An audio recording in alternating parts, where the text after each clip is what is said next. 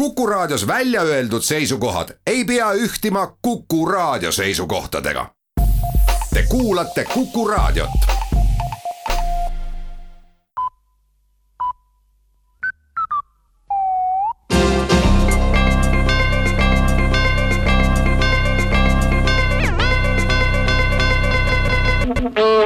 tere kuulama uudiseid, stuudios Rohke Debelak majandusministeerium on kooskõlastamas elektriettevõtetega seadusemuudatust, mille kohaselt muutuksid elektrikatkestused tulevikus kliendi jaoks tasuliseks.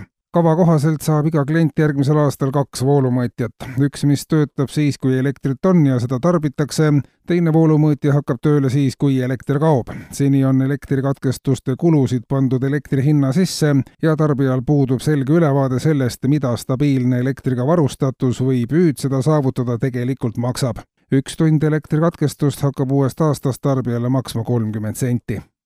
haridusministeerium koostöös Sotsiaalministeeriumiga on aga arutamas koolide pingerea koostamise metoodikat ja selle mõttekust ja kasutegurit laiemas plaanis. Pingeridasid on koostatud aastast aastasse, lisaks koolide pingeridadele ümbritsevad kõikvõimalikud pingeread inimest kogu elu ja seega oleks see süsteemsema tervikpildi saamiseks tarvilik ka sünnitusmajade pingeridade koostamine kava kohaselt hakkavad sünnitusmajad pingeridasid kokku panema alates järgmisest aastast ja seejärel likvideeritakse veel mõned alles jäävad augud pingeridades, nagu näiteks perekonnaseisuameti pingeread ja samuti saaks hakata peatselt koostama ka surnuaedade pingeridasid. Kui ka alles sündinud ja juba meie hulgast lahkunud inimesed pingeritta seada, annab see inimesele teadmise, et elu pakub pinget kogu aeg selle esimesest sekundist alates kuni viimase hingetõmbeni välja riigikogu juhatus andis aga täna hommikul teada esimestest koondamistest Riigikogus. riigireformi valguses on koondamine loogiline asjade käik ka Riigikogu puhul,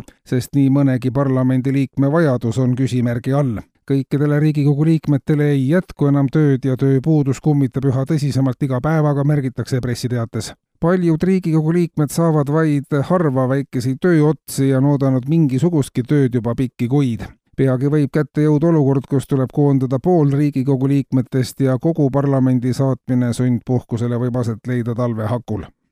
ning Riigi Statistikakeskus annab teada, et Eestis on hetkel sada üksteist tuhat kakssada seitsekümmend seitse inimest, kes elab üle oma võimete viimase kahe kuu jooksul on üle oma võimete elavate inimeste arv võrreldes möödunud statistilise perioodiga kasvanud kaks koma üheksa protsenti seitsekümmend kaheksa protsenti neist on üle oma võimete elanud juba enam kui aasta ja kakskümmend kaks protsenti omakorda ei tohiks enam üldse elada, sest see, kuidas inimesed elavad, pole lihtsalt enam kellelegi võimete kohane. vaid viiendik elanikkonnast saab hakkama nii, et elab võimete kohaselt ehk saab hakkama kõiki oma võimeid kasutades. alla oma võimete, nii et ei pidanud ühtegi oma võimet kasutama, elas aga seitse koma kaks protsenti inimestest.